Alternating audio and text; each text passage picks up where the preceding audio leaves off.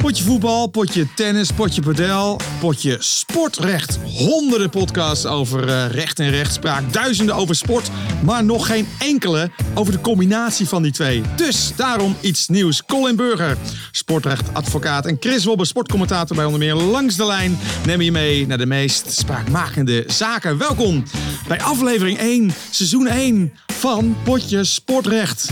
Colin, ik voel me ja, toch een beetje gespannen. Jij niet? Het voelt een beetje als uh, een goede zitting. Een goede zitting? Een goede zitting. Ja, ik ben dus echt nog nooit bij een zitting geweest. Dat meen je niet. Nee, echt. Ja, ik ben denk ik te netjes geweest of zoiets. Maar ik heb echt nog nooit uh, voor het hekje sta je dan toch niet? Ja, wees blij jongen, wees blij. Ja, oké. Okay. Wees blij. Ja, ik zeg, ik zeg altijd, ik zeg ik kom vaker bij de rechtbank dan bij de Albert Heijn. Inderdaad. Nou, het klinkt wel, het is een goede pick-up line trouwens, bedenk ik me nu. Ja, ja dat is de, Ik zie er wel misschien een beetje ja, mysterieus uit, maar en dan kan je hem erin gooien. Ja, dat is prachtig. Ja, want wat gaan we doen? Uh, eigenlijk willen we gewoon uh, jou, lieve luisteraar, meenemen in de wondere wereld van het sportrecht. Want uh, ja, wat we al in de aankondiging zeiden. Um, een sportrecht, daar is van alles om te doen in die sportwereld. Het gaat ook echt om serieus cash maar, uh, en, en, en zaken en allerlei belangen. Maar er is nog geen enkele podcast over. Hoe kan dat? Stom hè? Ja, precies. Stom hè? Ja, ja, ja, sportrecht leeft uh, al heel lang. Je ziet dat de commerciële belangen nemen toe. Uh, advocaten gaan zich er meer mee bemoeien. Uh, grote kantoren die denken, ook grote advocatenkantoren denken ook van ja, we moeten een sportrechtsspecialisme. Uh, ja, de sportrecht is in beweging. Honderd jaar geleden, toen uh, sportjournalistiek nog echt nou, net, net begon, in de embryonale fase was, werd er altijd een beetje neergekeken op die sportjournalisten. Weet je, of oh ja, oh nee, leuk, voetbal, sport, ja, dat moet ook nog. Ik was daar zelf niet bij hoor. Ik moet zeggen, ik ben aardig op leeftijd, maar dat heb ik nog net niet meegemaakt. Maar later is die, die, die sportjournalistiek enorm gegroeid. Is dat met, met sportrecht ook zo gegaan? Uh, ja, ja, je Je ziet, dat je in het begin, hey, uh, sportrecht, Coleman, uh, maak wat van je leven. Dat ga je toch niet doen? Ja, ja wel hè. Maar ja, kijk, het is een, voor mij is het een passie. En dat is, wel, dat is wel wat het verschil maakt. Is dat op het moment dat het je passie is, dan vind je het ook leuk. Dan interesseert het me ook niet of ik één klant heb of duizend. had ik er af en toe maar één. Ja, ja, ja precies. maar ja, dan, dan maakt het je niet uit. Dan, dan, dan, dan, dan ja, de sport, dat is zoiets magisch voor mij. Ik ben mijn hele leven lang eigenlijk al sporter, wielrenner. En, uh, ja, want ja. jij zit hier ook gewoon in echt een, een, een nou niet te strak, maar wel echt een, een goed sluitend wielrenpak gewoon. Hè? Of zeg nou, wielrenpak, hoe noemt dat dan? Dat viel mij dus inderdaad wel op. Uh, ja. jij, jij, bent van langs de lijn, ja. maar ik ben meer tussen de lijnen. Ah, oké, oké. Ik ben okay. tussen de lijnen. Jij ik denk, ik kom, de. Ik kom vanuit Alkmaar lekker op de fiets. Het regende kei en keihard. Maar ik had ooit eens een keer uh, voor onze derde helft, die hebben we nog niet geïntroduceerd. Onze derde oh joh, helft, de belangrijkste man hier Ja, in de de ruimte. man. Kan je nagaan, ja, dat is Ja. echt sportjournalistiek. Hè? Alleen maar met, met jezelf bezig en je vergeet gewoon eh, de producent. Ja, nee, eh, Frank, Frank Kasten, onze derde, onze derde helft, zeg ik. Ja. Ehm, maar die is voor mij een website aan het maken. En het was natuurlijk wel weer heerlijk. Hij zegt, joh, doe eens een leuke quote voor je website. Ik denk, nou weet je, eh, slecht weer bestaat niet. Alleen slechte kleding. En toen, kwam Mooi. ik, en toen, was het, toen, was het, toen, was, toen was het vanochtend. En toen dacht ik, Dan krijg je hem even in je gezicht gegooid, zullen we zeggen. shit. Het, Als- het, alsjeblieft, regent, het, regent, het regent buiten. En nu moet ik vanuit Alkmaar naar Westerblokken. Helemaal goed. Nou, we gaan al Alkmaar, Westerblokker. We hebben het over wielrecht, advocatuur en, eh, en eh, sportjournalistiek. Nog even kort, wie is wie? Kan je in een nutshell vertellen wie je echt bent, wat je doet? Dat gaan we natuurlijk, eh, lieve luisteraar, niet iedere uitzending doen. Maar eh, nou ja, als je bij eh, aflevering 20 in aanhaakt, dan kun je denken... ja, als je aflevering 1 luistert, dan vertellen ze iets over zichzelf. Wie is Colin? Ja, Colin. Colin is wielrenner. Ik, vroeger zei ik, ik ben ex-wielrenner, maar ik fiets nog steeds. Alleen geen wedstrijden meer. Ik ben ooit eens begonnen op de Johan Cruijff University aan het begin van mijn, van mijn carrière. Ja. En toen eh, ambieerde ik nog een topsportcarrière. Maar ik was niet goed genoeg. Dus toen ben ik rechten gaan studeren. Dus pas op mijn 27e was ik klaar. eh, ben ik advocaat geworden. Oké, En eh, ja, dat ben ik eigenlijk. Ja, nog heel veel meer. Maar goed. dat ben jij. Oké. Nou, dan is het in een gesprek wel dan heel beleefd... dat je dan nu ook aan mij gaat vragen wie ik ben. Ja, dat is inderdaad wel een goeie. Ja, Chris, stel jezelf eens voor. Nou, wat eh, bedankt voor dit spontane introductiemoment. Eh, Chris Wobbe de naam. Nou ja, ehm, verslaggever langs de lijn. Vanavond bijvoorbeeld eh, Duitsland-Oostenrijk EK en zondag weer naar Feyenoord Olympique Lyon. Dus ik zit heel veel in het voetbal. Doe ik veel radiocommentaar. Ik spreek ook wel samenvattingen in en zo. Ik presenteer ook evenementen. Dat kan zijn het Westfries Ondernemerschalen bijvoorbeeld. Of live in Horen en andere, andere sportfairs in het land. Nou, kortom, doe eigenlijk van alles met mijn stem. Nou ja, goed. het is maar goed dat je ons ook niet ziet. We gaan ooit misschien naar YouTube YouTube toe. Maar eh, tot het moment hoef je niet van mijn uiterlijk te schrikken. Nee, een grapje. Maar ik doe echt veel met, eh, met presenteren en de stem en sport. En wat jij zegt over eh, sport is mijn passie. Dat heb ik dus ook. Ik ben zelf geen topsporter. zeker niet. Maar ik, ik, ja, ik vind het een fascinerende wereld. En ik kwam er eigenlijk achter. Ja, ik weet wel heel goed dat Pietje de bal naar Klaasje speelt. Of vanavond Marietje de bal naar Truusje. Met alle respect. Vrouwenvoetbal in dit geval. Maar de echte achtergronden van contractbesprekingen, van allerlei zaken. Ik weet het niet. In, in mijn verslag heb ik ook geen tijd voor hè, om, om dat te zeggen. Van ja, eh, speler X. Nu hebben we iets, eh, iets met een bekende voetbal die natuurlijk weer eh, achter het hekje staat. Ja, dat kan ik ook niet kwijt in mijn verslag. Ehm, en, en, maar het interesseert me wel, want het heeft enorm veel invloed en impact. Ja, het, het is en, en dat is het fascinerende eraan. Het, soms, het wordt soms ook maar voor waar aangenomen. Ja, hoe bedoel je dat? Nou heb je gisteren eh, de samenvatting gezien van het WK Atletiek. Daniel Staal, een discuswerper. Ja? Moet jij eens proberen. Twee kilo discus. Probeer hem maar zo ver te gooien. Nou, ik denk dat ik daarna een driedubbele nekhernia krijg. Maar Da- goed, ja. Da- Daniel kwam tot 69 meter. 69 ja. meter nog iets. En op dat moment stond hij in de leiding. En Daniel die begon te juichen, want hij was al Olympisch kampioen en wereldkampioen in 2019. Maar eh, En hij dacht, nog, binnen. nog een keertje WK is toch wel lekker. ja. En toen een paar minuten na eh, dat hij eh, gegooid had en eh, de afstand was bepaald, toen kwam de jury. Voetfout. Oké, maar dan heb je toch nog een poging of niet? Die heeft sowieso een poging. Volgens mij was het zijn laatste. Maar los daarvan, voetfout. Ze hebben niet voor niks meerdere pogingen. Dit, dit was een lekkere poging. Ja. Maar er werd tegen hem gezegd, zag ik bij de NOS, er werd tegen hem gezegd, ja, het heeft geen zin om te protesteren, want we hebben de videobeelden. En? Ja, ik dacht gelijk, verdikke me, het heeft geen zin om te protesteren. Dat is nu juist toch waar Dat ons is- hele rechtssysteem op gebaseerd Precies, is. precies, dat je, precies. dat Dat je mag protesteren. Dat Ja. je mag protesteren. Vul in ieder geval dat formulier in en ga in ieder geval die beelden bekijken. Wat heeft hij gedaan? Nou, ik zag het namelijk niet. Hij had een voetfout. Hij, je moet zeg maar in die. Ja, in- nee, nee, nee, maar wat heeft hij, heeft hij, protest Nee, natuurlijk niet, want hij liet zich al afblaffen door zo'n door zo'n scheidsrechter. Die zei, ja, protesteren heeft gezien, want we hebben de En videobeelden. dus ongeldige poging, geen medaille. Yep. Zo, kan je nagaan. Ja, ik doe ook veel, eh, of veel, ik heb veel gedaan in de, zeilsport. Eh, en dat, dat hangt aan elkaar van protesten, moet ik zeggen. Dus daar is het weer heel normaal in die wereld. Maar goed, joh, we kunnen echt alle kanten op. Eh, dat gaan we niet doen, want we gaan het toch een beetje in hapklare brokjes eh, voor je serveren natuurlijk. En het is ook een beetje om mij te helpen, want qua sportrecht ben jij, Colin, de specialist. Ik echt een totale dummy. dus ik ga ook echt allerlei dummy-vragen stellen. Heerlijk, eh, dat is geen betere rol voor mij. En eh, ja, we willen eigenlijk iedere uitzending een bepaald thema Matt. Extra belichten. En dat doen we aan de hand natuurlijk van nou, een bepaalde zaak. Maar ook eh, hey, sportrecht voor mij, voor dummies. Eh, en voor jou misschien ook wel. Want misschien denk je van net als mij sportrecht. Ja, nooit over nagedacht. Maar het levert van die lekkere vrijdagavondverhalen op in de kroeg. Eh, we hebben de uitspraak van de week. En ja, we, nemen natuurlijk ook nog mee naar allerlei actuele onderwerpen. Zoals op dit moment al bij het moment van opnemen. Ook al wat we net al zeiden. Wimbledon is net afgelopen. WK Atletiek is nu aan de gang. EK vrouwenvoetbal. Nou, WK hockey. De dames net weer kampioen voor de derde keer rij. Ongelooflijk. Ja, jongen, er is zoveel eh, te volgen. En we proberen wel die actualiteit een beetje te volgen in deze podcast. Zodat jij je wekelijkse of tweewekelijkse eh portie eh, sportrecht geserveerd krijgt. Door uw obers van de dag, Colin Burger en Chris Wobbe. En natuurlijk ja, onze derde helft, sportfixer noemt hij zichzelf, producent. En dat is natuurlijk Frank Karsten. Oké, want ja, mijn openingsvraag. Colin, ben je er klaar voor? Ik ben er klaar voor, jongen. Meneer Burger, heeft u hem bij zich? Bij u, pardon. Hier, Kijk, zelfs, daar gaat het dus al mis bij mij, hè? Ja. Chris, ik ben op de fiets. Je bent op de fiets. Ja, want je weet natuurlijk waar ik het over, over heb, hè? Nou, Want wij, Kom maar door. Wij gaan een beetje naar jouw favoriete sport. Nou, een beetje boel. Een van de meest legendarische verhalen. Ik had er nog nooit van gehoord. Luidt de peer van Pollentier. En dit is een verhaal dat handelt over sport, wielrennen, doping. Nou ja, goed, dat heeft het altijd mee te maken. De Tour de France natuurlijk ook. Eh, en dopingcontroles. De peer van Pollentier. Wat is de peer van Pollentier? ja, heb je even. Ja, ja, nou ja, we spreken elkaar nu toch. Dus, eh, Heb je en ik zie. Frank ziet er ook nog wel wakker uit, dus Ja. eh, die is ook klaar voor dit verhaal. Mi- Michel Pollentier, Oui, oui. wielrenner. En het was 16 juli 1978. Ik had, Ja? eh, van de week nog op mijn Instagram had ik hem even geïnstagramd. 16 juli, toch een, voor mij eh, een legendarische datum. Vanwege dit verhaal? Vanwege dit verhaal. Want hij won namelijk op de Nederlandse berg. Toen was, hij, toen was hij nog niet Nederlands, maar hij won hem wel. Het, namelijk de Alpe d'Huez. Heeft hij een eigen bocht dan, of niet? Nou ja, dat bordje moesten ze er dus afhalen naar de finish. Hoezo? gedisqualificeerd. En, en, en, en waarom? waarom?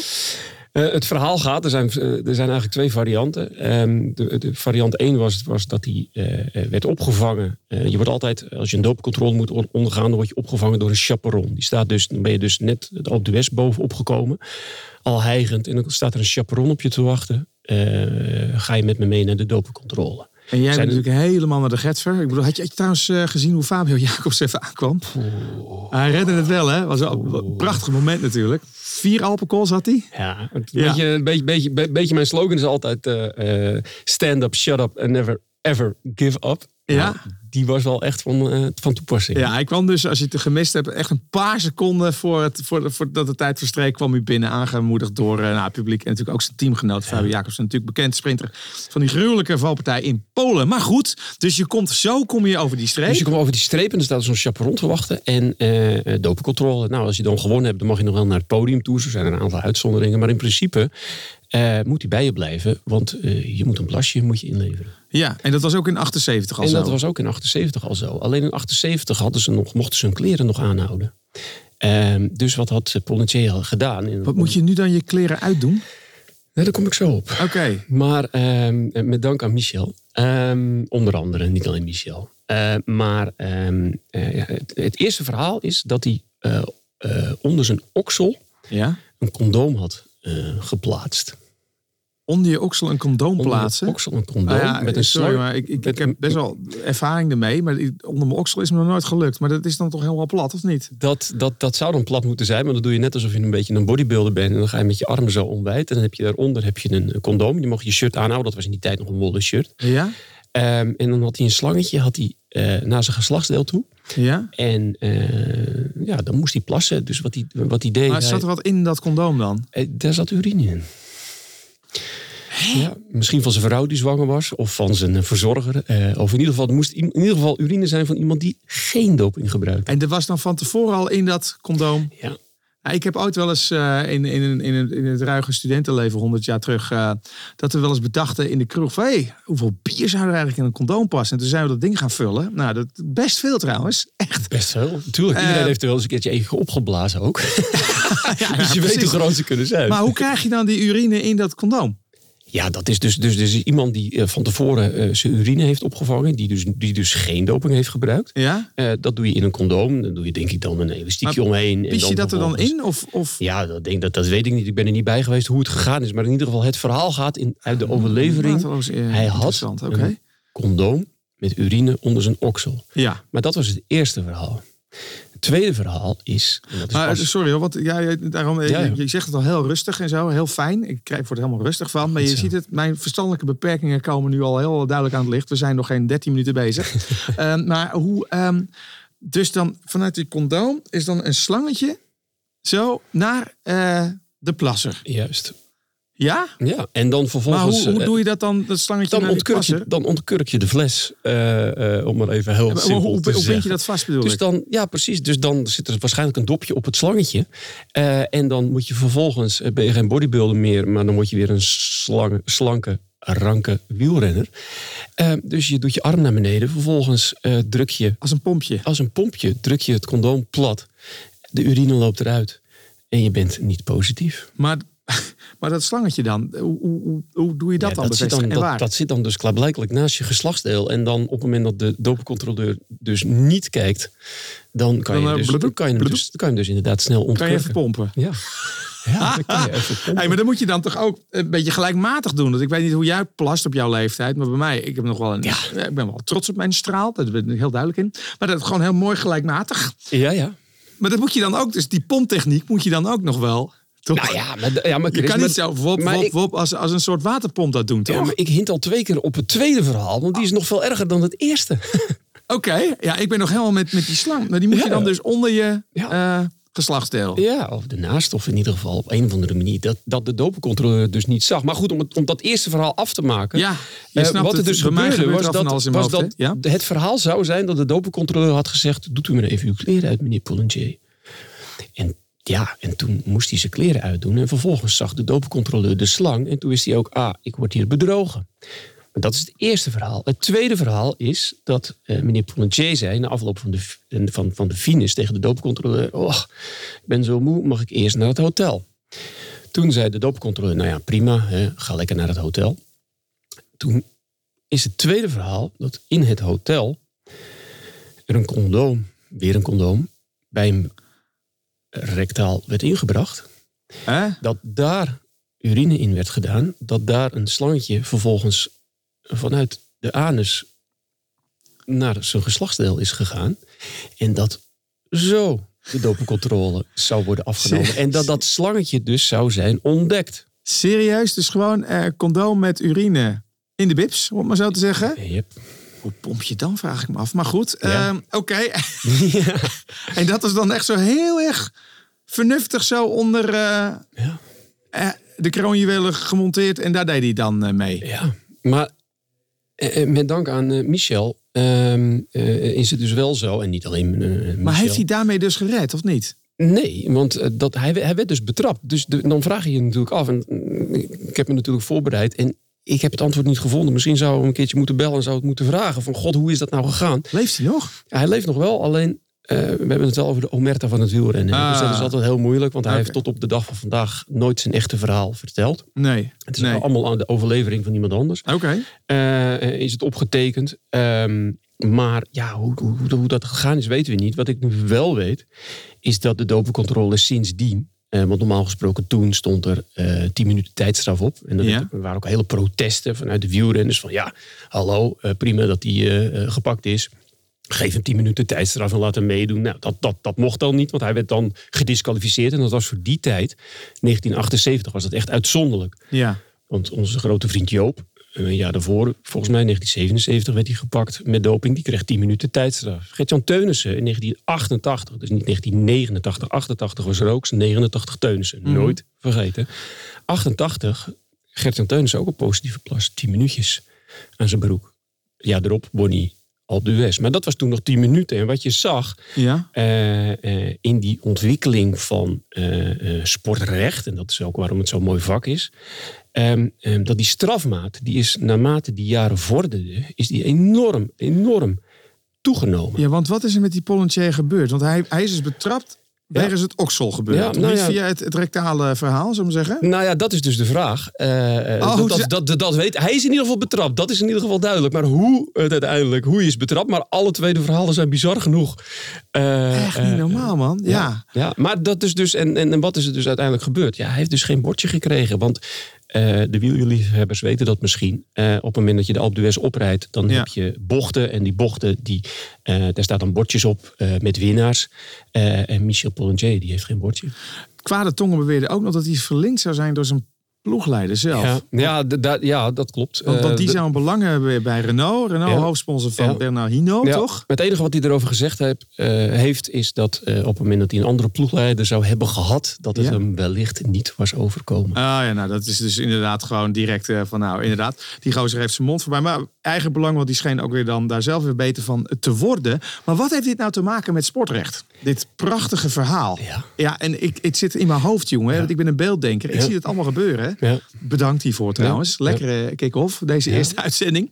Ehm, maar wat heeft dit met sportrecht te maken? Maar hoe zou je jezelf voelen op het moment dat eh, je een jaar daarvoor eh, wordt betrapt op doping, Mhm. 1977. Ik krijg 10 minuten tijdstraf. Ja. Of althans een ander in jouw sport. En dan kom je een jaar verder en dan word je gedisqualificeerd. Meteen, ja, dat is natuurlijk... Want Dat is, toch oneerlijk, want dan hebben we toch een regeltje dat klaarblijkelijk je 10 minuten tijdstraf. Maar in dit geval was het zodanig erg. Hè, en dat stond ongetwijfeld toen al in de regels. eh, dat op het moment dat er eh, strafverzwarende omstandigheden zijn, dan kan je afwijken van de strafmaat. Dat is nu nog steeds, dat staat nu nog steeds in het dopingreglement. Ehm, eh, maar dat zou dus, ja, dat is eigenlijk is dat dus gewoon oneerlijk.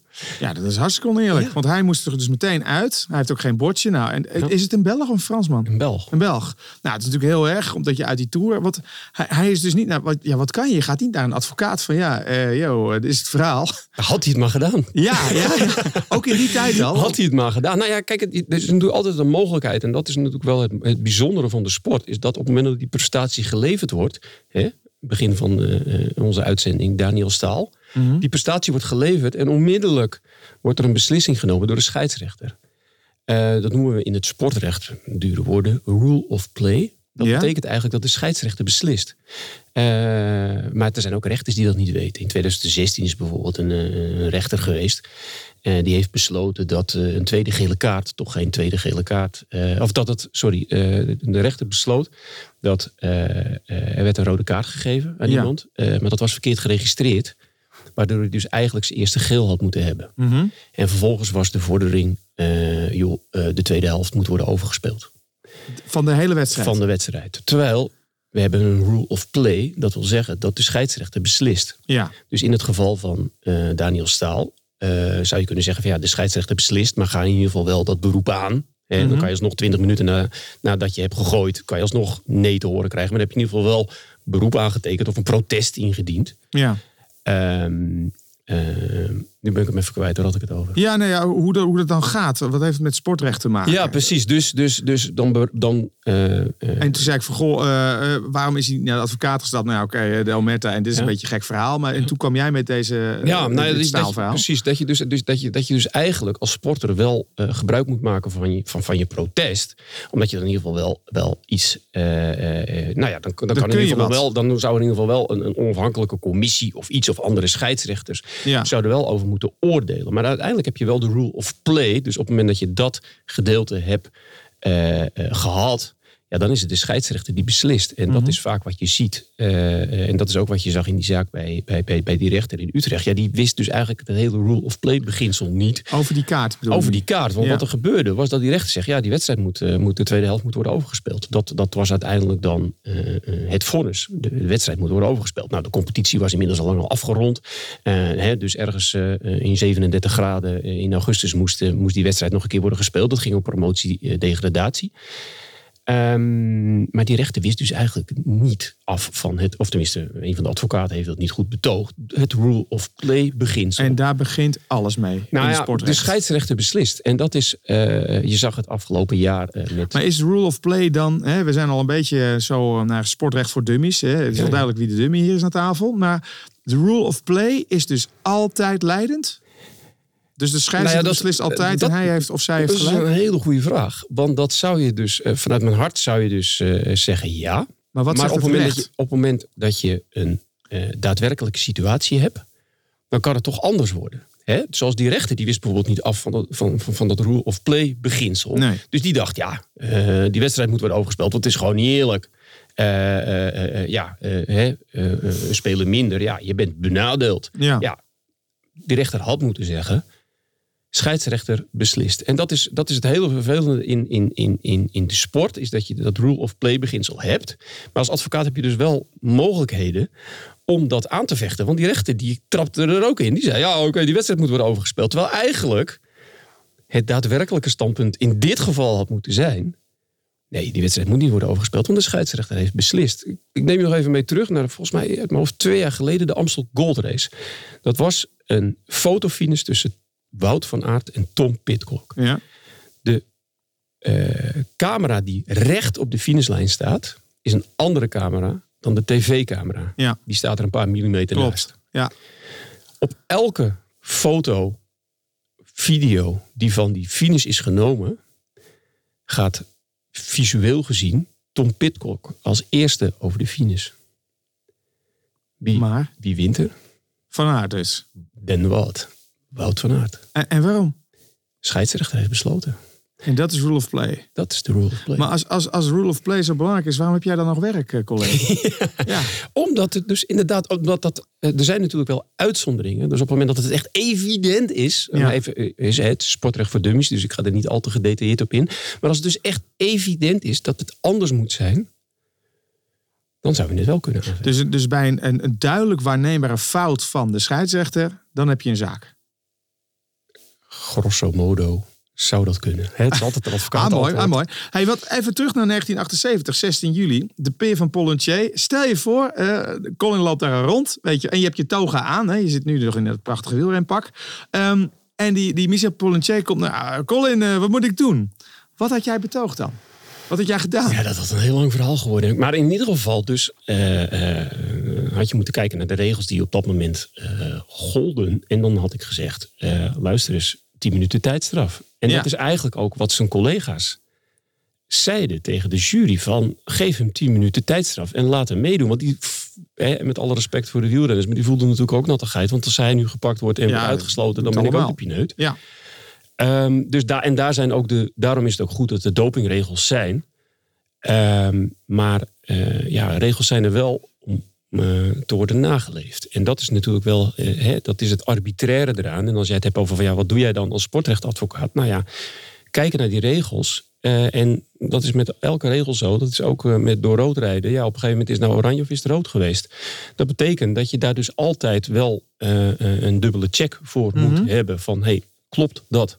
Ja, precies. En daar ben jij dan voor. Maar het gaat natuurlijk ook om, om enorme belangen. Hè? Eh, misschien in 78 lagen de belangen iets anders. Maar nu denk ik dan als sportliefhebber ook van... joh, het gaat om enorme bedragen. Ook de commercie, nou bla bla, noem alle argumenten maar op natuurlijk. En dan kan zo'n klein detail...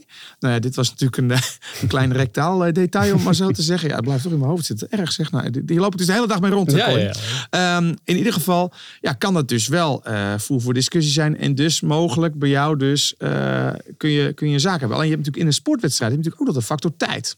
Ja. Wat je vertelde van staal. Ja, 20 minuten. Hoe, hoe moet die gozer zich dan 20 minuten... Geldt er nu wel, geldt er niet. In je focus blijven. Het is heel wat. Net als een dopingcontrole. Want daar hebben we het ook een beetje over. Natuurlijk, platgetreden pad. We hebben het over wielrennen. Ja, daar is de doping weer. Maar goed, de verhalen zijn wel legio. Laten we eerlijk zijn. Ook in andere sporten. Ja.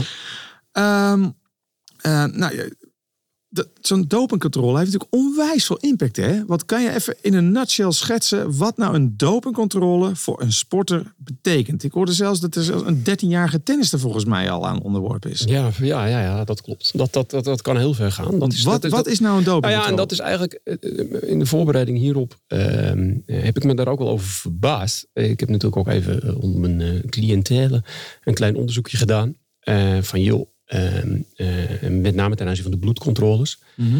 Ehm, het is dus zo dat op het moment dat jij lid bent van een, een sportvereniging. Hè, dus Chris, ik weet niet of jij op tennis zit of iets, of op padel. Padel, dan je- ja, dan, ja, dan ja. kan je dus inderdaad onder, onderworpen worden aan een dopingcontrole.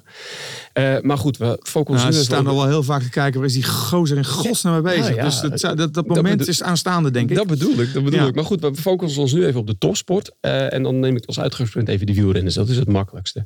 Eh, de wielrenners kunnen drie keer per dag worden gecontroleerd. Je mag eigenlijk op het moment dat je meedoet aan de Tour de France... dan onderwerp je aan de dopingcontroles. Drie keer per dag. Dat kan dus drie keer per dag. Ik heb eh, Pogacar, die vertelde volgens mij één of twee jaar geleden... van hè, toen waren er verdachtmakingen, want hij reed toch veel te hard... en dat kan toch allemaal niet drie keer per dag. Maar dan moet je je dus voorstellen dat drie keer per dag... dan kunnen ze het op bloed en op urine controleren. Mhm. Eh, in, de, in de regel staat ten aanzien van de bloedcontrole... die vind ik dan misschien nog wel het meest ingrijpend. het allebei tegelijk? Eh, dat kan. En bloed Dat, en dat, urine? dat kan. Soms is het meestal eh, eh, 's ochtends bloed en dan na de finis eh, urine. Oké. Dat is de, nou ja, niet standaard, maar dat, dat is wel een uitgangspunt. Mhm. Ehm, maar zo'n bloedcontrole, ze mogen dus drie keer in je arm prikken. Per keer. Per keer. Dus ik hè, eh, bij mijn cliëntele even eh, gevraagd van... joh, eh, ik heb zelf ook wel redelijk wat ervaring met bloedprikken. Ik vind het dus echt geen grap. Nee. Ehm, eh, hoe gaat dat dan? Ja, was er, was er iemand die dit tegen me zei van ja, als je dan zo'n fanatieke dopingcontroleur he- hebt, die prikt dan in je arm. En dan prikt hij mis, hè, want je moet precies dat vat moet je raken. En dan gaat Ja. hij even, zeg maar, heen ja. ja, precies, dan ga je even heen en weer met die naald. Ja, en dan heeft hij hem en dan trekt hij het bloed eruit. Ja, hij zegt, dat doet gewoon echt heel veel pijn. Ik zeg, Ja. ik zeg, de eerste keer is het dan misschien nog dat je denkt van, nou, hè, prik je. Maar op een gegeven moment krijg je daar ook littekenweefsel, omdat je zo vaak gecontroleerd moet Dus je worden. krijgt gewoon littekens in je armen van dat bloed prikken. Allemaal, allemaal, Hey, en- allemaal om die eerlijke sportprestatie, hè, even terug naar het sportrecht, om die eerlijke sportprestatie te waarborgen. En ook een stukje gezondheid natuurlijk. Dus als jij op een gegeven moment pech hebt met eh, dezelfde gozer of dame, Ja. kan je dus negen keer geprikt worden op een dag. Nou, dat is misschien een beetje overdreven. Want het moet natuurlijk wel, nou ja, we hebben voor zover je al kan spreken van de menselijke maat. Maar er zijn dus verhalen bekend dat er eh, sporters zijn die drie keer op een dag worden gecontroleerd. Maar dan heb ik het alleen nog maar over het bloed gehad. Hè? Want als je kijkt naar de urinecontrole, Ja. Met dank onder andere aan Michel Pollentier. Ehm, je moet je dus eh, in ieder geval ontkleden. Of in ieder geval je shirt moet omhoog en je broek moet naar beneden. Eh, dat geldt voor dames en voor heren. Eh, je chaperon, waar ik het aan het begin over had, dat is dus van de, het gelijke geslacht. Dus je- of als je een vrouw bent, dan krijg je een vrouwelijke chaperon. Als je een man bent, een man. Ehm, eh, dan moet je je dus ontkleden. En dan moeten ze dus ook zien, daadwerkelijk, dat vanuit het geslachtsdeel die urine in het potje, potje gaat. Ja. Dat is natuurlijk heel ingrijpend. Althans, ik vind dat heel erg ingrijpend. Eh, kan je nog zeggen van ja, hallo. eh, want en iedereen die, aan wie ik het gevraagd heb, die zei ja. eh, maar ja, ja, ik vind het geen enkel probleem. Want eh, ja, het, is toch, het is toch mijn beroep. Ja. Ja, ik, ik heb niks te verbergen. Ja, dat begrijp ik. Alleen besef je wel dat we om die eerlijke sportprestatie en de gezondheid van de sporters te waarborgen, dat we ze daaraan onderwerpen. Dus stel, hè, ik, ik, nou, ik zie mezelf graag als topsporter. Ik moet dus ook zo'n dopingcontrole doen. Dan staat er dus een man in mijn geval, want ja, ik ben ook man. Staat dus de hele tijd te kijken naar mijn eh, gereedschap, zullen we zeggen. Totdat ik eh, mijn dingetje doe. Ja, dan ga ik hem nog even in de, over de treffende Ik, trap. ik, ik vind dat soms in, de, in het stadion nog wel eens lastig, weet je wel. En dan zit ik bij FC Twente bijvoorbeeld. Nou ja, dan moet je helemaal van boven naar beneden in de rust, als je dat zou willen. Nou, dat ga ik natuurlijk niet doen, want je hebt maar een kwartiertje rust. Dus dan ga je eh, tussen, die, tussen de supporters staan. Nou, niks aan de hand. Maar ken je dat gevoel dat een, op een gegeven moment er staan honderd man in zo'n ruimte? Je weet dat je moet. Nou, je staat schouder aan schouder. En die andere gasten die staan over jou hoofd heen te praten. Oh, oh, wat een wedstrijd, bla bla. En het komt niet. Het, het, het- Chris, het is heel erg En er ingrijpend. staat dan iemand tegenover. Het is heel erg ingrijpend. Ik eh, vroeg het aan mijn vrouw. Mijn vrouw is eh, handbalster geweest, Nederlands team. Bij SCW, bij, bij, bij SCW, bijna 100 in het land. En op een 16e eh, werd ze al gecontroleerd op doping. Ik zeg, maar hoe ging dat dan? Ja, ja, ik had niks te verbergen. Ja, maar ik zeg, je was 16. En dan Ja, gaat je broek al uit als jonge meid. Staat er een dame voor dopingcontrole. Ze zegt, ja, maar er waren wel meisjes. ja, waarschijnlijk. Ze zegt, maar ze waren wel meisjes. Die vonden dat echt heel erg ingrijpend. Want ja, ga maar eens plassen op het moment dat er iemand naast je staat. Jeetje een volwassen iemand. Een volwassen iemand. En, daar sta je met z'n tweeën. Er staat niemand anders bij. er staat, nee, ja, je mag er een begeleider mag je erbij hebben. Dat, Maar dat op kan. jouw verzoek. Op jouw verzoek. Dat, Dus- is, dat is natuurlijk wel slim. Eh, als Ja. echt eh, voor sporters die luisteren, eh, kijk even op www.dopingautoriteit.nl. Er staan fantastische filmpjes hoe nou daadwerkelijk een dopingcontrole gaat. Maar ehm, ehm, ehm, en dus je mag er een begeleider bij hebben. Maar dat neemt niet weg. Kijk, op het moment dat jouw vader erbij staat als je 16 bent, of je moeder. Vind ik nou ook ja, wel wat. Prima, maar dat is, dat is, Nou best ja. wel, dat is best wel heftig. Ja. En dan heb ik het nog niet eens gehad over de whereabouts. De whereabouts, ja, daar weet ik ook wel iets van. Je moet op whereabouts. 360 van de 365 dagen per jaar aangeven waar jij op dat moment bent. Ja, wat doe jij op 13 november eigenlijk? eh? Nou ja, ja precies. Geen idee. Ik wil het nu van je weten, Chris. Ja. Je moet voorafgaand aan het kwartaal moet jij aangeven waar je bent. En ik wil een uur van je hebben. Wow. Want er moet namelijk, je moet beschikbaar zijn op een uur gedurende de dag waarop jij op doping gecontroleerd kan worden. Holy en dan denk jij, ja, weet je, shit, moet ik allemaal doen. Stress, hè? Ja. ook gevraagd eh, eh, bij diverse. En je hebt natuurlijk je trainingen en misschien Ja, wel, eh, weet ik ja. wat, medial Dus- trade of zo. Dus ik had, een, ik had een slimme vriend en die dacht, nou, weet je wat ik doe? Ik doe het altijd tussen 7 en 8. Want dan, hè, dan net voor mijn training en als dan zo, meer weer zo'n man. Nee, 7 en 8 Ze, ze, ze- even de goe- goede moeten soms ook onder de kwade lijden, ook bij dopingcontroleurs. Ja. Je hebt dus ook een hele zagrijnige. Ja. En die verlies je dan op het moment dat ze binnenkomen geen seconde uit het oog. Mooi verhaal. Eh, op een gegeven moment een van mijn vrienden die zijn whereabouts eh, had ingevuld tussen 7 en 8. eh, dacht van pff, half zeven werd hij wakker. Hij denkt, even naar de wc. Hè, even een ochtendplasje. Ja. Ding dong, 7 uur. Oh shit. Een Duitse meneer, nogal strikt. Ik kom voor een dopingcontrole. Shit, ik heb net geplast. En die gast was helemaal uit Duitsland gekomen. Koffie. Drie uur lang met een Duitse meneer op de bank gezeten. Oh, sorry. Op het moment dat hij naar de keuken liep, liep de Duitse meneer achter hem aan. Op het moment dat hij naar boven liep om zijn kleren aan te trekken, liep de Duitse meneer achter hem aan. Even douchen pakken. En nou ja, dat deed hij dan maar niet. Want ja, eh, maar hij kon Maar dan was de. Duitse meneer ook... eh, Zo ingrijpend. holy moly zeg. Zo ingrijpend. Goedemiddag. En dat is maar één voorbeeld. En, en ik, ik, ik, ik ken het verhaal. Ehm, dit was nog wel een redelijk volwassen topsporter. Maar als je dus inderdaad, wat jij net al schetste, eh, hartstikke jong bent. Dat is nogal wat. Je is ingrijpend. Er zijn verhalen bekend. En nogmaals, hè, het is altijd. eh, ik, ik, ik vertel het hier plat en er zit altijd een nuance in. Ja. Daar ben ik advocaat voor. Maar er zijn verhalen bekend van een meisje van 13.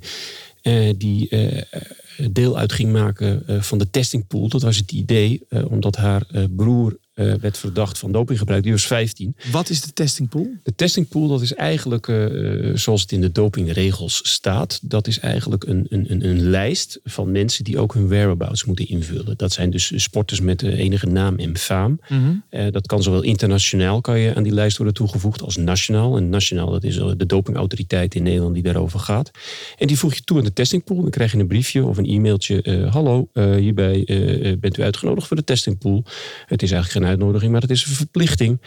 Uh, hier zijn uw inloggegevens en vanaf nu gaat u elk kwartaal aangeven waar u bent. Uh, uh, en zodat we u kunnen controleren. Ja. En op het moment dat je inderdaad sporter, beroepssporter bent, kan je zeggen, joh, het hoort erbij. Ja, ik vind dat te makkelijk, hè, maar nogmaals, het hoort erbij. En ik zou ook niet weten hoe het anders moet. Dat is ook Mhm. weer een, een, de andere kant van de medaille.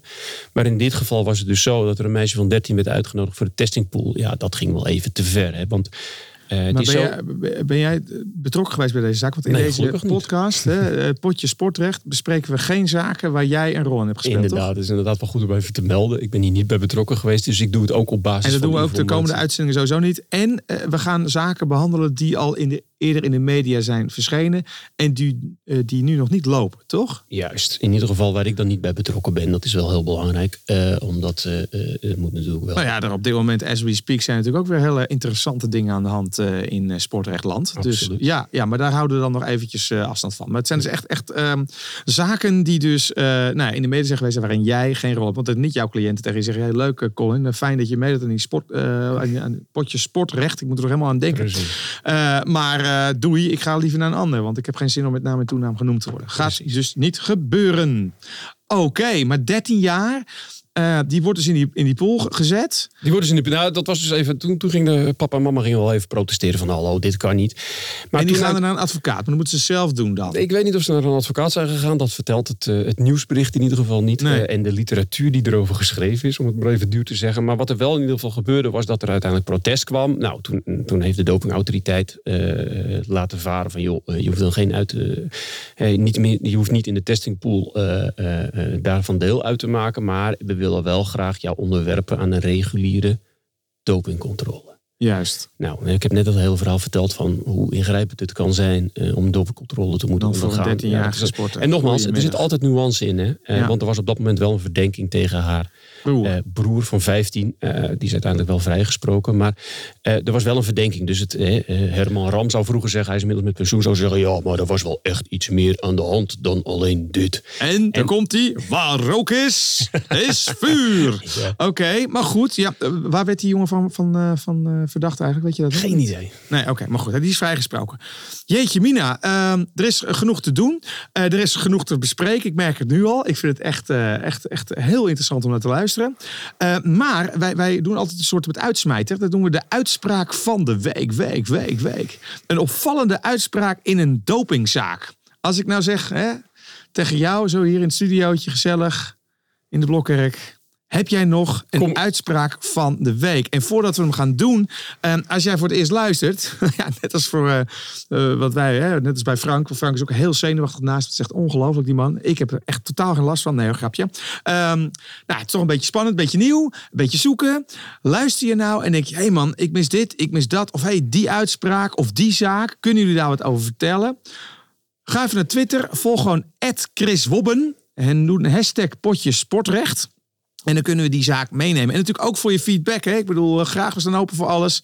We gaan eh, beginnen. Nou, dit is het begin. Waar het eindigt, ja, we hebben natuurlijk grote ambities, grote plannen. We zien het allemaal wel. Maar dus add Chris Wobbe op Twitter voor opmerkingen of vragen met hashtag potje sportrecht. Maar nu, uitspraak van de week. De uitspraak van de week. Ja, ik heb er al duizenden. Eh, niet meer tongen met Pamela. Niet meer tongen met Pamela. Heb ik vroeger met een Pamela getongd? Was het maar waar, jongen. Was het maar Is het waar. de Pamela? Eh, ja, dat weten we dus niet. Ik denk het niet. Eh, Richard Karske, eh, een tennisser, was toen uit mijn hoofd 23 jaar. Ja? Deed mee aan een toernooi in Miami. Ja, ATP-toernooi. ATP-toernooi. Zoals het vaak gaat bij sporters. Je moet ook af en toe een beetje stoom afblazen. Dus hij had stoom afgeblazen, in dit geval met Pamela. Dat is Eh, echt met Pamela Anderson. En dat weten we niet, maar eh, uit de overlevering heet ze Pamela. oh, een Eh, Pamela. een- ja, ja, een ja. Pamela. Ja, ja, ja. Oké. Eh, zijn kasuitspraak uit 2009. Het leest echt als een romannetje. Oké. Eh, ik geef hier de korte samenvatting. Wat er gebeurde was, hij was op stap, want hij moest even stoom afblazen. En, eh, In, hij eh, Miami, hij- weet je wel. Precies, in. Miami. Nou, je, je kent het. hè? ja, ja, ja, ja, ja. Eh, welcome to Miami. Ja. Nou, in ieder geval, dit was een warm, dit was een warm welkom van, Ja, ja, ja. van Incasu Pamela. En Pamela die, eh, die ging op een gegeven moment eh, een beetje met Richard dansen. En het werd al spannender en werd heel spannender. En ze gingen met elkaar kussen. En daar kwam de tong ook bij aan te pas. Ah. En eh, vervolgens uh, dag erop dopingcontrole betrapt op cocaïne. Hè? Betrapt op cocaïne. Dus hij had ook een En lijntje toen, gedaan. en toen zei Richard, ah, dat kan niet. Ik heb getongd met Pamela. Maar kan je, is dat via slijm dus overdraagbaar dan? Nou ja, dat was dus, Dus eigenlijk... Pamela zou dan even eh, met haar neusje in het witte poeder hebben gezeten. Dat was dus En eigenlijk... Richard, de volledige onschuldige tennisser, natuurlijk geen vlieg kwaad gedaan. Dat was dus eigenlijk... een tongzoen. Dat was dus eigenlijk wat Richard dus, dus betoogde. Van hé, hey, eh, eh, Pamela, daar heb ik mee getongd. En, en dat is de reden waarom ik positief ben. En dat was ook een kleine hoeveelheid cocaïne in dit geval.